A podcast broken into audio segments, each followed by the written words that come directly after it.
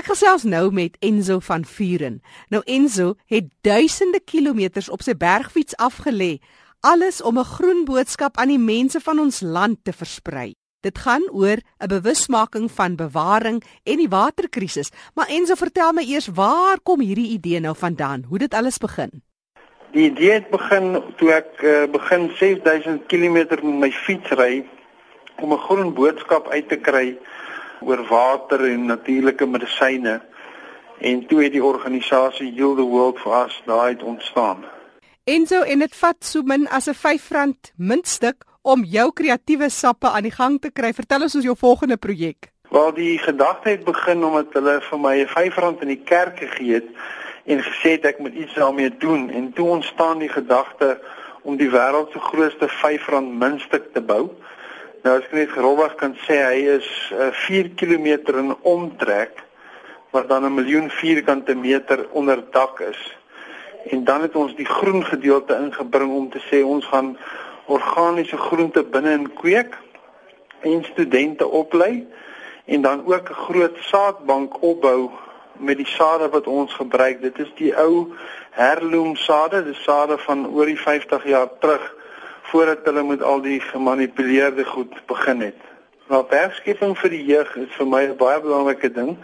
Eh om vir hulle in interessante goed betrokke te kry soos renoster weeshuis vir die vir die renostertjies of 'n groot groenteton waar hulle kan kom werk en om om mense gesond te kry.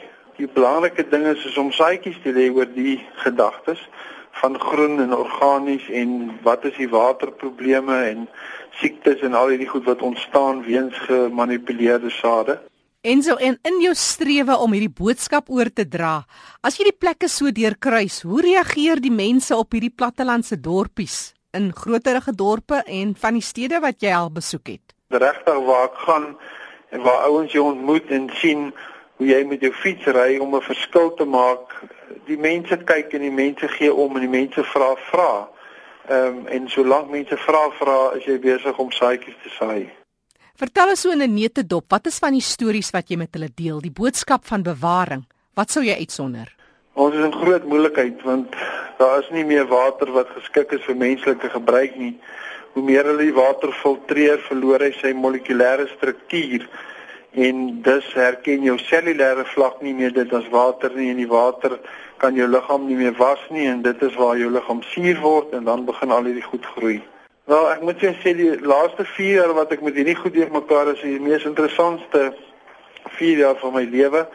Ek, ek het geen dedicated borg wat my help met die goed nie. Dis net so lekker om om terug te gaan na die die basics toe, kan ek so sê en te kyk hoe om goed weer op 'n natuurlike manier reg te doen en en die sukses daarvan te sien. Wat sou jou boodskap vanmiddag spesifiek wees? Wel, nommer 1 is elke ou kan 'n verskil maak, soos wat ek op my fietsie begin ry het en 'n verskil gemaak het in 'n organisasie het ontstaan. So kan elke ou sy deeltjie doen en saam maak dit 'n verskil. Vir mense wat met jou kontak wil maak, gee vir ons jou besonderhede, jy het 'n webtuiste?